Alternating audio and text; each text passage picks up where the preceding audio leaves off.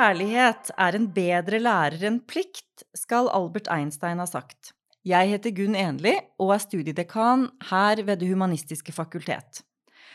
Og Undervisningsplikten er min podkast om kjærlighet til undervisning. I dag har vi fått besøk av en jusprofessor som er godt integrert, ja, Jaggu er han ikke så godt integrert at han har vunnet selveste undervisningsprisen på Universitetet i Oslo. Velkommen hit, Malcolm Langford. Takk for det. Du, det er jo sånn at du vant denne prisen. Og da ble det sagt eh, om deg at eh, du hadde bidratt til eh, å fornye undervisningsporteføljen på Det juridiske fakultet, og at du hadde særlig flyttet flyttet undervisningen i retningen av det digitale. Fortell hva du gjorde. Det begynte kanskje for åtte år siden da jeg snakket med en jusstudent som sa jeg aldri åpnet uh, min munn i løpet av fem uh, studieår. Og så jeg tenkte jøss, er det faktisk uh, mulig? Vi har masse innovasjon i forskjellige valgfag, men det, det var faktisk mulig til å unngå å snakke i fem år av juss. Og hva er kanskje advokater og jurister mest kjent for? Vi liker å snakke. det er vanskelig å stoppe oss, og det, det var utrolig at dette, dette kunne skje. Så da jeg fikk uh, faststilling i 2016, uh, fagansvarlig i folkerett, tenkte jeg kanskje jeg kan uh, gjøre noe med det. Så jeg innførte den første obligatoriske prosedyreøvelsen uh, i, i andre, andre, år alle 400 studenter hvert år må nå gå gjennom en rettssak. De må skrive en prosesskriv, de må prosedere muntlig for en uh, dommer, de må ta spørsmål, de må også jobbe innen gruppe. Uh, og, og det, det, var nytt. Så det var det første ting jeg prøvde å gjøre. Og jeg fikk masse, masse hjelp fra andre kolleger uh, til å implementere det. Men tenk fem år uten å åpne munnen som jusstudent. Det er jo sjokkerende at det er mulig. Det er, det veldig overraskende. Det er en obligatorisk muntlig øvelse i tredje år. Men uh, det er noen som finner vei rundt det.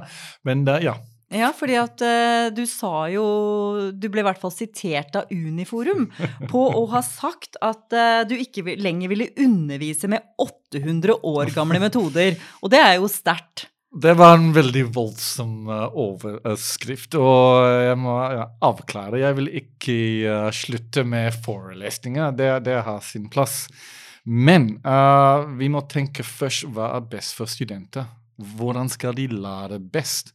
Og det er ikke klart at uh, ti forelesninger, uh, to timer hver, er det beste måte for studenter til å lære. Kanskje på begynnelsen og kanskje på slutten. Men innimellom skal, hvordan skal vi hjelpe studenter til å lære? Og i, min verden og forskning jeg har sett, viser at uh, erfaringsbasert læring, når man gjør forskjellige uh, øvelser, simulert, reelle, er, man lærer mye bedre, både teori, men også utvikle uh, ferdigheter i prosessen. Mm. Sånn at uh, det var jo studentaktiviserende læringsmetoder du fikk prisen for. Altså at uh, du skulle ikke kunne gjøre uh, undervisning uten at du ikke aktiviserte studentene samtidig. Var ikke det et mål for din innovasjon? Ja, så det, det var det første grunnen til, til, til prisen. I tillegg til den obligatoriske kurs drev jeg med forskjellige ting i valgfag. Uh, F.eks. tok jeg studenter til London hvert år som en del av Engelsk for jurister. Vi besøkte engelske domstoler, uh, Stortinget. Vi så brexit-debatten uh, innenfor og utenfor, som var, som var fascinerende for, for, studenter. Jeg har også en kollega som gjør det samme for tysk for jurister. Men i tillegg har vi et nytt prosjekt som heter Den digital jurist. Um, og da eksperimenterer vi i valgfag med om hvor mye kan en jusstudent lære uh, i forhold til den digitale verden. Hvor mye kompetanse kan de utvikle? Hvor mye forståelse uh, kan de utvikle i forhold til digitalisering? Og vi har fire fag. men En av dem heter rettsteknologi. Og da hadde vi 50 studenter som jobbet med utvikling av rettsteknologi. Så det er teknologi som hjelper uh, oss til å forsikre at jussen blir uh, mer rettferdig og mer effektiv uh, i, i, praksis. Og vi sendte studenter ut til forskjellige partnere som DNB, Domstoladministrasjon, Nav osv. Og, så videre, og jobbet med eller utvikling av ny teknologi, eller kritikk av uh, ny teknologi. Kan du forklare litt den teknologien? Hva, hva, hjelper teknologien med? Du sa mer rettferdig eh, domsavsigelser. Det kan bli masse uh, forskjellige ting. Det kan hjelpe vanlige borgere f.eks. få tilgang til rettslig svar uten å gå til en advokat. Uh, for eksempel. Så du kan ha en app på mobilen som hjelper deg um, f.eks. med AV. Så jeg har to studenter som kodet AV-loven ja. Så, man, man, kan beregne uh, av.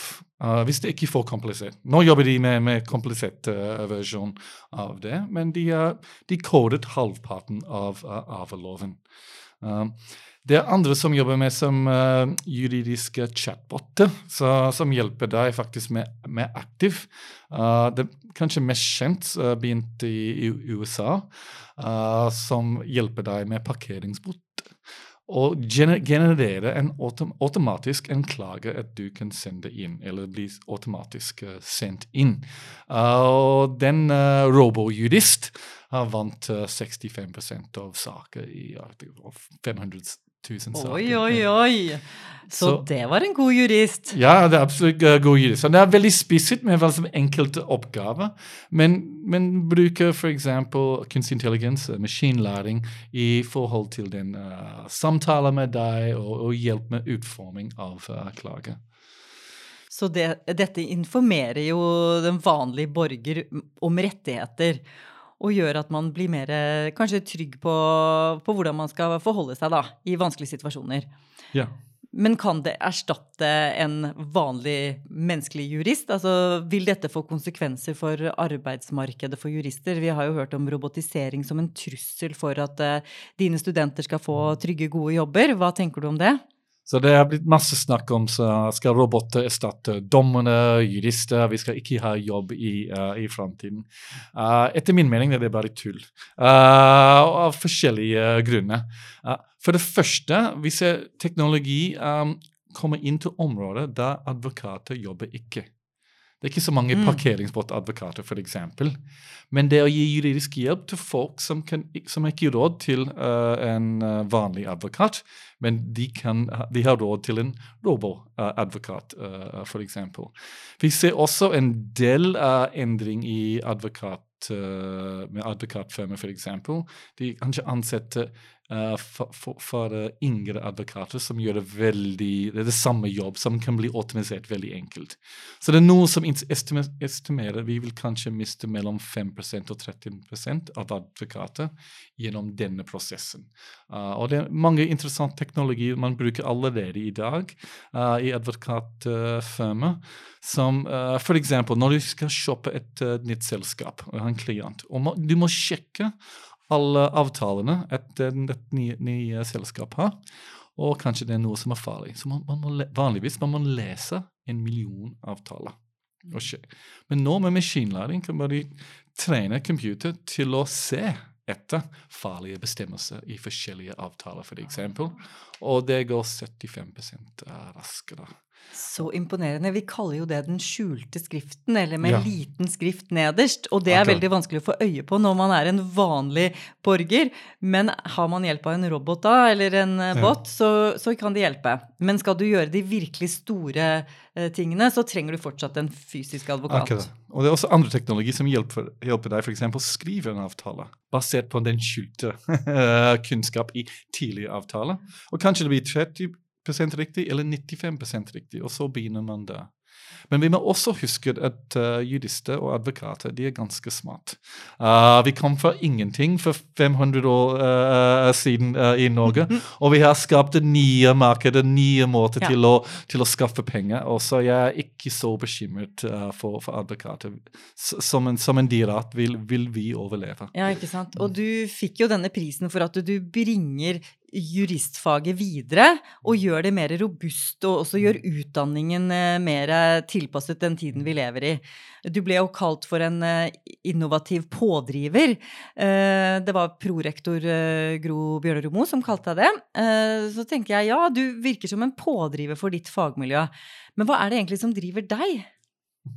Ja, det er et godt, godt spørsmål. Um, den som kanskje driver meg mest, uh, er kvaliteten. Hvis noen fungerer ikke, tenker jeg ok, hvordan kan vi gjøre det bedre, selv om det ikke er en del av jobben min. Uh, og det begynte allerede på Senter for menneskerettigheter i 2010 på Det juridiske fakultet, da studentene fortalte meg om de det var, litt, det var ikke så mye som skjedde uh, i undervisning. Det var mye forelesning. Og så plutselig fikk jeg en mulighet med en kollega, Stane, Steine Eken, til å reformere hele masterprogrammet. Og med en gruppe av kolleger jobbet vi med det. Og så lærte jeg oi, det er mulig å endre ting på det juridiske uh, fak fakultetet. For vi introduserte masse forskjellige ting som intern, internships og praksis, Oxford-aktige debatter uh, osv. Så, um, så det var studenter som, som inspirerte meg, mm. også denne gangen. De klaget over kurset. Jeg tenkte hvordan kan vi gjøre det uh, uh, bedre? Um, for vi har ikke den samme press som man har i USA, f.eks., der student, studenter betaler. Uh, de klager oftere, også man må respondere, man konkurrerer med andre universiteter. Men i Norge har vi ikke det samme press, så vi må finne andre kilder til innovasjon. Og det er, det er en av dem. Da gjør det bedre for folk vi jobber med, og i, denne tilfellet studenter. Men det er kanskje også at jeg liker å endre ting. Uh, tenke, tenke, på nytt, og det er litt gøy uh, til å jobbe med, med nye ting og, og forestille seg en, en, ny måte til å gjøre det og, så, og så actualisere Hvordan sier det på norsk? Aktualisere det. Uh, implementere, implementere, eller, eller, aktualisere, eller gjøre det. Altså implementere en, en, idé, prøve ut noe nytt, at det inspirerer deg. Ja. Og det høres jo ut som du får mye energi av nettopp det at du kan være med å forme din egen arbeidshverdag og din egen undervisning, og at du har dialog med studentene om hva som ikke virker, og hva som virker, og at det bringer på en måte mat til ditt maskineri for innovasjon da, og nyskaping. Og det er jo helt supert, fordi som du sier, UiO og Det juridiske fakultet, det er jo søkningen fra studenter er jo enorm. Det er jo et veldig mm. populært studium. Så sånn sett så trenger man ikke å konkurrere med, med andre, eller man trenger ikke å, å, på en måte innovere. Men samtidig så, så har man folk som deg som allikevel presser på. Ja, så, uh, en, og ikke bare meg. Jeg har mange kolleger nå i det nye Senter for erfaringsbasert læring i just Det selv. Uh, og det er mange av kanskje det samme type som også liker til å gjøre ting bedre. Men vi også fant det mange andre på fakultet som vil også uh, gjøre ting. Og som er veldig gøy mm. å jobbe sammen med forskjellige reformer. Mm. Prøve ut ideer og sånn. Ja. Men hva slags utdanning har du selv? Kommer du fra et privat universitet hvor det var studentbetaling? Betaling i Australia, eller? Ja, men jeg er uh, jurist og økonom, så i Australia er det ikke mulig å bare ta jus. Man må ta et annet fag. Men jeg har ingen pedagogisk uh, utdanning, hvis det var spørsmålet. Nei, altså du har, du har, jo utdanning sånn som vi andre, ja. alle vi som underviser på ja. universitetet. Vi har mm. jo en professor eller Eh, førsteamanuensis eller eh, vanlig forskerutdanning ja. i bånn. Og så eh, blir vi litt pedagoger, og det får vi jo gjennom kanskje PED-kurs eller å lære gjennom å gjøre det. Og man blir jo da inspirert av tilbakemeldinger fra studenter. Men jeg tenker litt på det med jusstudenter. Er det noe spesielt som du kjennetegner en jusstudent? Altså vi som ikke ikke har undervist på juss. Vi ser jo for oss en stereotypi av veldig ambisiøse, hardtarbeidende studenter som vil ha gode karakterer og, og konkurrere veldig hardt. Mm. Stemmer det? Ja, mm, det, det, stemmer delvis, men det er også kulturen vi har skapt på det juridiske uh, fakultet.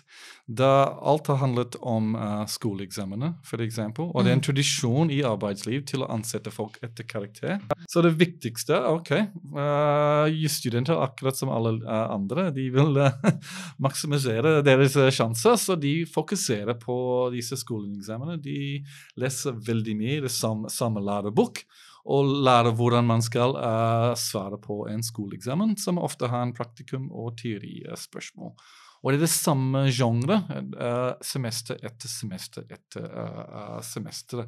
Uh, men paradoksen er at mange av disse studenter de kommer fra videregående skole, der de har blitt kanskje mer aktive med forskjellige læringsformer.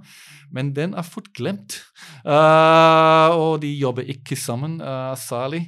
Og de er veldig fokusert på disse skoleeksamene. Så ja, det kanskje er litt av en stereotypisk uh, jusstudent, men det er ikke deres feil. Det er uh, vår feil. Vi har skapt uh, den, denne student. Så uh, hele poenget med det nye Senter for erfaringsbasert læring og faktisk en skaper ikke bare framtidens jurist, men framtidens jusstudent. En annen kultur mm. på, på, vårt fakultet. Mm, for jeg intervjuet Iselin Nybø, som er utdannings... Uh, og forskningsminister, og hun er jo selv jurist utdannet i Bergen, og hun fortalte at før eksamen så var det mange som måtte gå på toalettet og spy. At de var helt sånn sykelig nervøse for eksamen. Eh, så det, det høres jo ut som et, et sterkt press, men som du sier, det er noe vi legger også på studentene ved det systemet vi har. Så det er kanskje også noe du er med å endre nå, da. At du lager nye eksamensformer som ikke er så basert på, på skoleeksamen og pugging. Ja, men også blir det, der det blir mindre stress også. At det er forskjellige evalueringsformer, og kanskje litt flere underveis. Så ikke alt henger på én skoleeksamen uh, på 30 studiepoeng, uh, f.eks. Så igjen, vi tenker på studenter og hvordan de kan lære uh, bedre. Mm. Og, og, det var også uh, hvorfor jeg valgte mitt universitet uh, til, i Australia. Mm -hmm.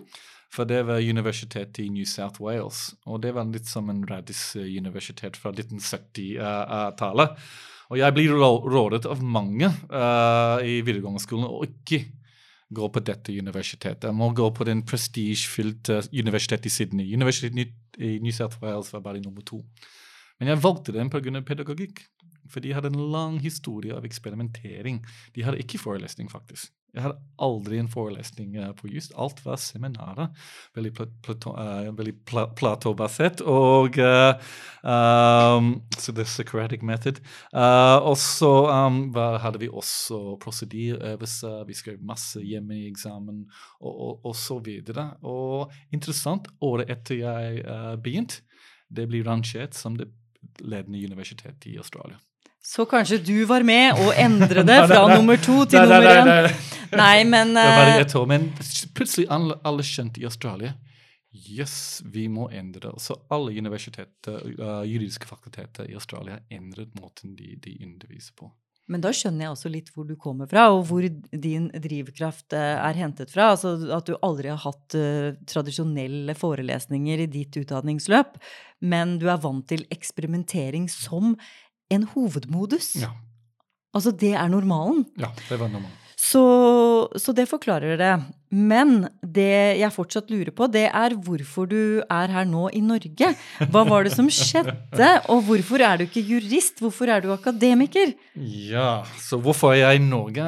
Det er veldig enkelt eh, sagt. Det var et tangokurs i Firenze. Aha. I, uh, og jeg var på det europeiske universitet um, og tok en mastergrad uh, juss. Og planen var at jeg skulle reise tilbake til uh, Australia. Hadde en fast jobb der um, som en jurist eller advokat for en uh, barnerettighets-NGO. Men jeg uh, kom inn til et uh, tangokurs, og uh, det var en blond dame på andre siden av rommet, og det var det. og så er jeg i Norge. Så det var kjærlighet? Det var kjærlighet, ikke fjell og fjord, som, som tok meg til, til kjærlighet Norge. til en kvinne brakte deg til Norge, ja. og kjærlighet til undervisning har fått deg til å bli her? Ja. ja. Også forskning og formidling. Det var, jeg, ikke, jeg ikke særlig planlagt å bli akademiker. Det var også litt uh, tilfeldig, men det, da det ble til, til slutt. Ja, Fortell uh, hvordan den veien var. Og jeg har alt, alltid publisert, men jeg jobbet f.eks. seks år i Genéve med, med, opp mot FN og med menneskerettigheter uh, uh, i verden. Så jeg var veldig opptatt av praksis og I mean, delvis på refleksjoner på det, men prøve å gjøre uh, verden litt bedre. Jobbet veldig mye med um, utkastelse av folk som bodde i slummene i Kenya og også Øst-Europa med, med romfolk. Så det var hverdagsjobb. Og, jobbet med utvikling av forskjellige FN-standarder og, og, og, så videre. Men så kom jeg til Norge og måtte Hva skal jeg gjøre? Ha? Uh, og så blir det, blir det universitet til slutt. Ja, for du har ikke praktisert jussen i, i, Norge, men eh, funnet ut at det går an å omsette din erfaring og, og bakgrunn på, på, en akademisk arena. Ja, så jeg er jurist i Norge, men jeg er ikke jeg er ikke, in, jeg er ikke en norsk jurist. Uh, så jeg um, kan ikke gi råd om norsk lov til, til andre. Men jeg, etter hvert kjenner jeg mer med norsk, det norske rettslige systemet. Mm. Ja, og du har jo engasjert deg også veldig eh, sterkt i debatten om internasjonalt ansatte ved universitetet. Fordi Universitetet i Oslo har jo endret seg mye de siste årene, eller det siste tiåret, på den måten at vi har ansett mye flere folk enn tidligere med mm. internasjonal bakgrunn. Og du er en av disse mm. nye. Hva, hva gjør at du har engasjert deg så sterkt i den debatten? Men jeg opplever universitetspolitikk som veldig spesiell uh, arena, for det er ofte ikke særlig forskningsbasert. Og jeg opplevde vi hadde en debatt om internasjonale forskere uh, som var ikke forskningsbasert i, i det hele tatt. Uh, statistikk som var brukt, var, uh, mis, var ikke helt riktig, ikke uh, malte riktig uh, bilde. Historien som vi fortalte om hvorfor vi har utenlandske forskere, var ikke helt uh, riktig, etter min mening. Og vi fikk uh, overskrifter som ja, hvor mange utenlandske forskere kan vi tolerere? kan vi tåle i, i, i, i, Norge? Så jeg tenkte nei, vi må bare engasjere oss i, debatten og, og, prøve å gjøre det litt mer nyansert. Um, og um, og det, det, er viktig, for det plutselig har innvandringsdebatt kom fra nasjonal rikspolitikk ja. til, til universitetssektor. Vi ser mange av de samme argumentet, og vi må, vi må, finne en måte til å snakke om det og, og tenke om det. Ja, for da tenker du argumenter av typen 'dere tar jobbene våre'? Uh, er, du, man hører det, og det, det delvis også kom opp i debatten. om Sp foreslår f.eks. For en, en kvote for antall utenlandske uh, forskere. Men hvis vi ser på det statistisk Vi ser de fleste kommer inn ikke i humaniora, samfunnsvitenskap, juss, der all, de fleste klagene kommer fra. De fleste utenlandsforskere jobber i uh, matnat, uh, medisin, teknologi uh, osv. Uh, og hvorfor er det så mange utlendinger uh, det? Og det er for, av forskjellige grunner, men det, det, er ikke så mange nordmenn som vil særlig jobbe med det. Hvis du er god i matte, f.eks., kan du tjene ti ganger mer i privatsektoren. Um, så vi må tenke oi, det er da det er da vi finner mange utenlandske forskere. Og så et spørsmål hva skal vi gjøre uh, med dem. Mm. Ja, det er jo et veldig godt poeng, og det kjenner vi jo igjen her på, på Det humanistiske fakultet. At uh, selv om vi har mange internasjonale ansatte, så er ikke det flere enn de har på medisin og, og matnatt.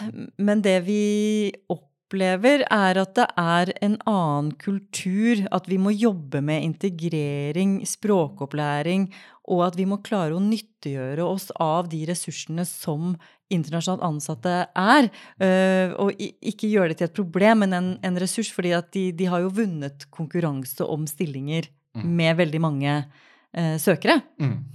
Så det er akkurat bakgrunnen til også hvorfor vi fikk så mange utenlandske forskere. at uh, Vi har uh, lyst ut stillinger internasjonalt, og vi har, vi har mer åpen prosesser som er mer transparent, som ikke har vært bra for utenlandske forskere, men også kvinner, f.eks., mm. og deres inntog inn til universitet.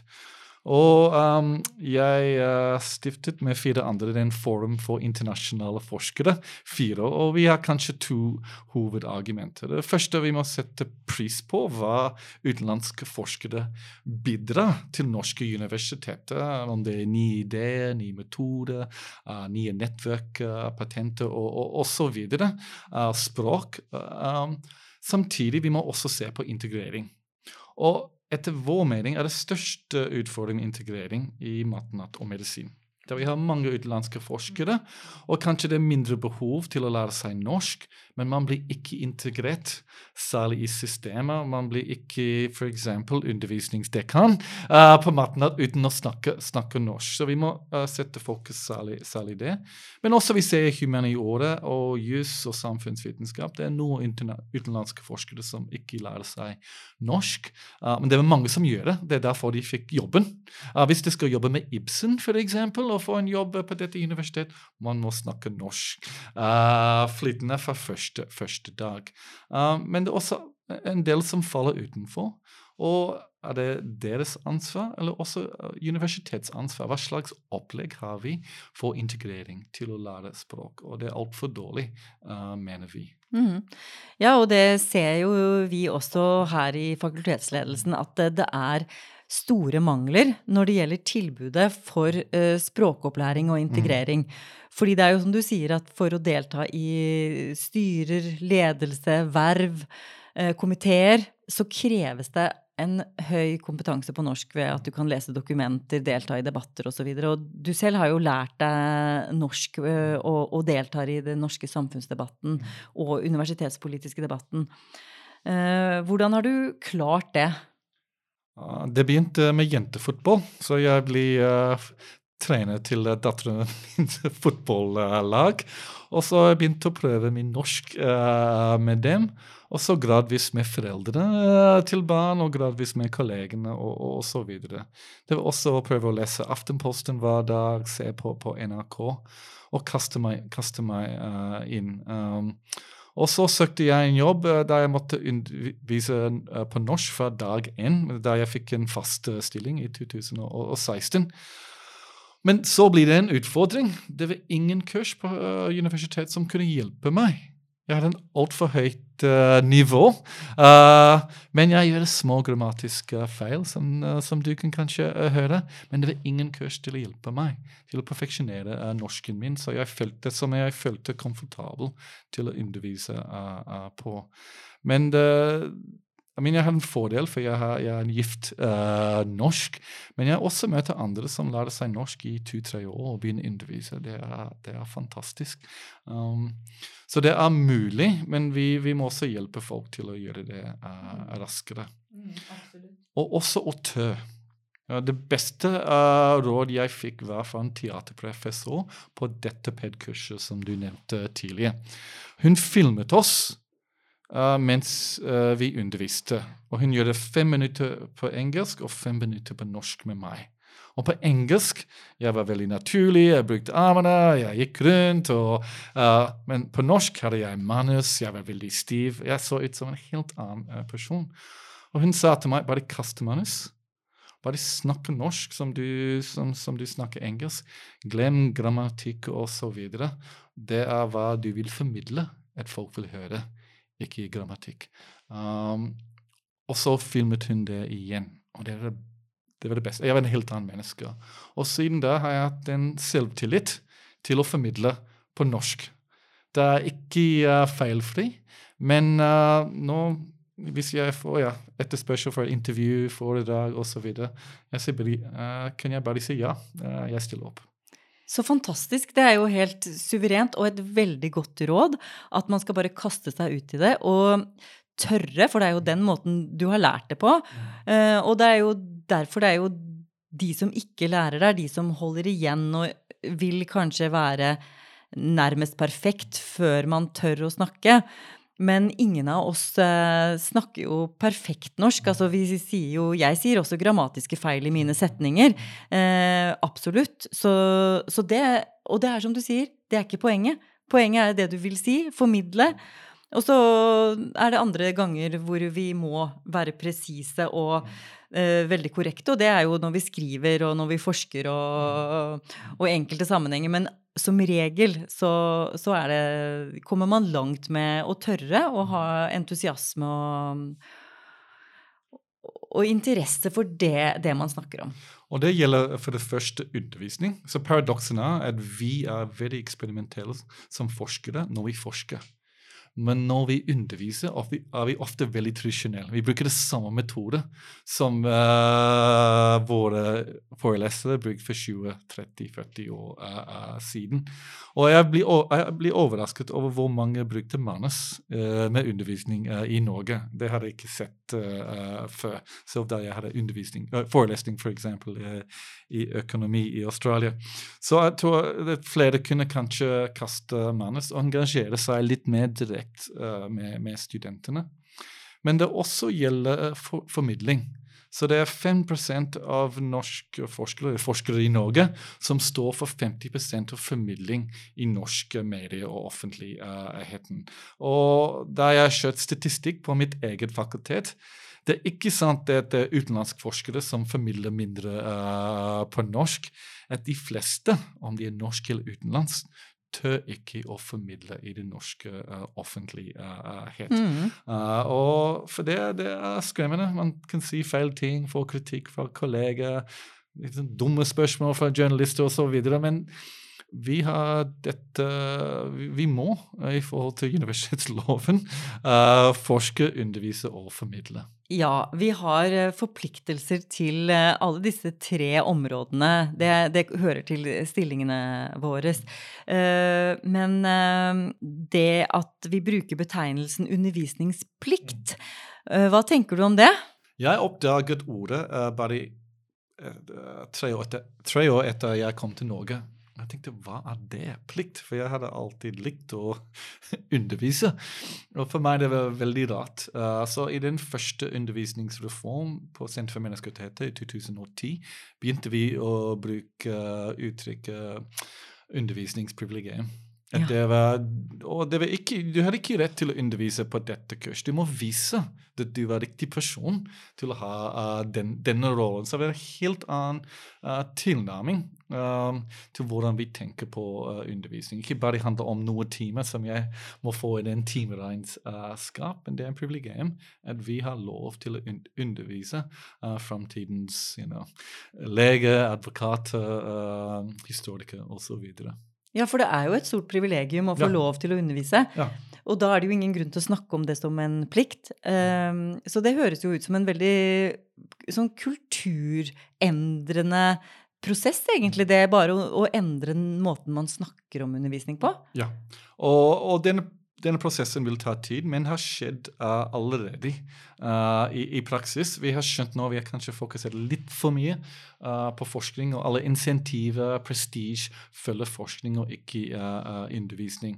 Så nå I mean, vi kan vi kan se på f.eks. ekstern finansiering til undervisning som uh, et, et, nytt område uh, der vi kan bygge prestisje til uh, undervisning. priser er en annen ting, men enda viktigere er som det, måten kolleger snakker om undervisning. Og uh, dele ideer uh, og osv. Og, og rose hverandre. Og, og, gi oppmerksomhet uh, til gode metoder og osv. Så, videre. så det er en det vi trenger mest. Ja, det høres ut som dere er på god vei i det. Mm. Jeg har bare et avsluttende spørsmål eh, til deg eh, med et utenfrablikk. Ja. Hva syns du er det beste og det verste eh, med norsk akademia? Ah, det beste er at den er veldig egalitarisk. og, det verste er at det ikke i praksis ofte. Så uh, det som jeg har likt, det var veldig enkelt å komme inn til uh, systemet og bli hørt. Hvis du vil bli hørt, vil du bli hørt uh, i det norske systemet, og alle kan ha sine stemmer hørt. Og at man kunne komme inn med nye ideer. Jeg også kjører med forskjellige uh, uortodokse metoder uh, innenfor juss, f.eks. bruk av empiriske metoder. Men jeg fikk uh, aksept for det og, og, rett til å prøve ut uh, nye, nye, ting. Men jeg opplever også norsk ak akademia som veldig hierarkisk. Og, det, og kanskje enda mer hierarkisk enn f.eks. enn Australia. Men det er ofte usynlig. Så jeg ble overrasket på det første seminaret jeg var på, og der var det bare professorer som stilte spørsmål. Ingen andre tør til å, til å, til å stille, stille, spørsmål. Jeg tenkte det er veldig, veldig rart. Og skjønte jeg at den professortittel uh, i, i, Norge var jeg, det var jeg veldig tungt. Uh, mye tyngre enn det gjør i Australia, uh, for eksempel. Uh, og vi også sett det sammen med den um, seksuell, seksuell trakasseringsspørreundersøkelse uh, om, om i fjor. Det er en stort maktasymmetri i seksuell trakassering at vi ser i norske universiteter. Det er stipendiater og yngre uh, vittasere osv. som blir utsatt uh, for det. Så jeg tror den usynlige hierarki uh, må synliggjøres, og vi må snakke om makt uh, vi har, og hvordan uh, vi, vi, bruker det. At Janteloven, ja, det er, det er norsk i teori, men det er ikke nødvendigvis norsk i, i praksis. og det er særlig på universitetet at vi trenger et sted der alle har den frihet til å uttrykke deres mening.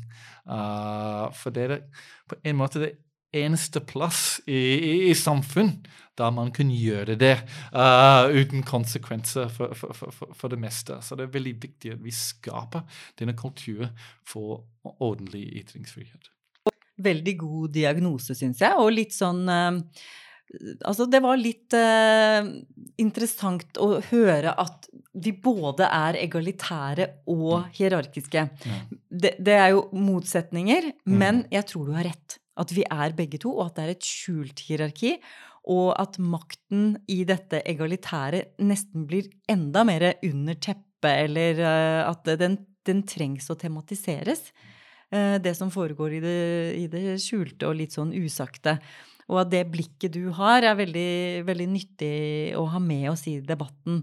Så tusen takk for at du kom hit. Det har vært veldig interessant og, og morsomt å snakke med deg. takk for det. Så takk skal du ha, og lykke til videre. Ja. Håper at du fortsetter å utvikle undervisning, mm. innovasjon, og at din kjærlighet til undervisningen bare vokser og vokser. Takk skal du ha. Og til dere som hører på, så vil jeg si abonner på oss i iTunes eller Spotify, hvor enn du hører på podkast. Vi høres igjen om 14 dager. Takk for nå.